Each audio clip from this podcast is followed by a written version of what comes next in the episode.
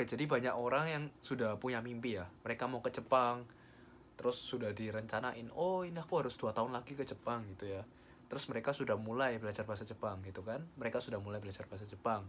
Nah, terus di tengah-tengah mereka itu ngerasa kayak males, terus akhirnya berhenti gitu. Pernah nggak punya temen yang kayak gitu? Oke, jadi kenalin namaku William. Banyak orang yang tanya ke aku kayak gitu. Kenapa kok aku bisa males? Nah, aku nggak tahu alasan pastinya ya, tapi aku bisa uh, kasih beberapa alasan yang muncul di otak aku. Kenapa kok orang bisa males belajar bahasa Jepang? Ya, pertama dia itu nggak punya materi yang pas, ya. Jadi dia nggak tahu itu bener apa enggak. Lama-lama dia itu bingung-bingung sendiri dan jadi males, ya.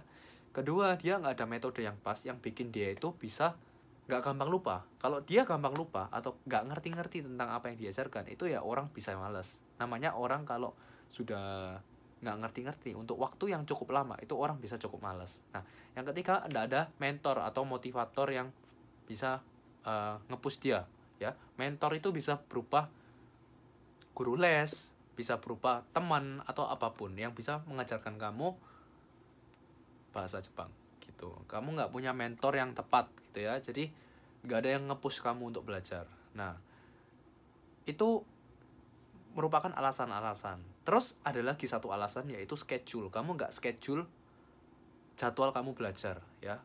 Jadi kamu belajar sesuka hati. Istilahnya kamu belajar sesuka hati pas kamu ada waktu. Itu ya kamu sulit untuk konsisten. Konsisten itu kamu sulit gitu. Ya, kalau kamu nggak schedule atau schedule mau asal-asalan, misalnya gini, kamu schedule ya besok di schedulemu kamu tulisan kamu belajar bahasa Jepang.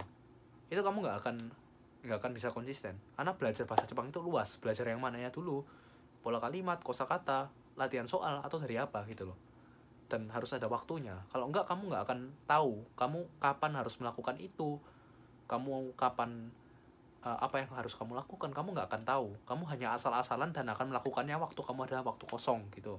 Nah kalau kamu lagi sibuk itu akan menjadi alasan kamu untuk menghilangkan waktu kosong kamu untuk belajar bahasa Jepang itu. Nah itu yang bikin orang nggak konsisten dan males akhirnya. Dan banyak aku ngelihat orang ya mereka sudah belajar bahasa Jepang lama terus gara-gara tidak konsisten untuk mengembangkannya mereka jadi lupa lagi itu jadi itulah kunci-kuncinya ya materi metode mentor schedule dan konsistensi ya. Kalau kamu nggak mau males kamu harus benar-benar rapi schedule kamu harus rapi plan kamu apa kamu mau ke Jepang ya dua tahun ya kamu harus plan aku nggak nyuruh kamu plan untuk dua tahun. Kamu minimal ya harus plan untuk satu tahun ke depan. Jadi misalnya 12 bulan ya. Strategi kamu apa? 12 bulan itu strategi kamu apa? Ya. Misalnya bulan 1 sampai bulan 3 kamu harus selesai materi N5 materi N5 itu apa aja?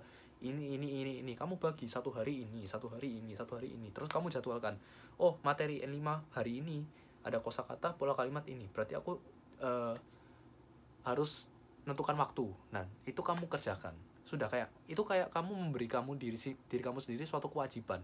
Kayak kamu mandi. Mandi itu kan ya bangun pagi mandi kan. Kamu nggak perlu nggak perlu tahu lagi. Soalnya itu merupakan kebiasaan. Ya kamu harus membiasakan diri kamu untuk mengatur schedule ini. Jadi kalau kamu nggak ngatur schedule nanti sama aja.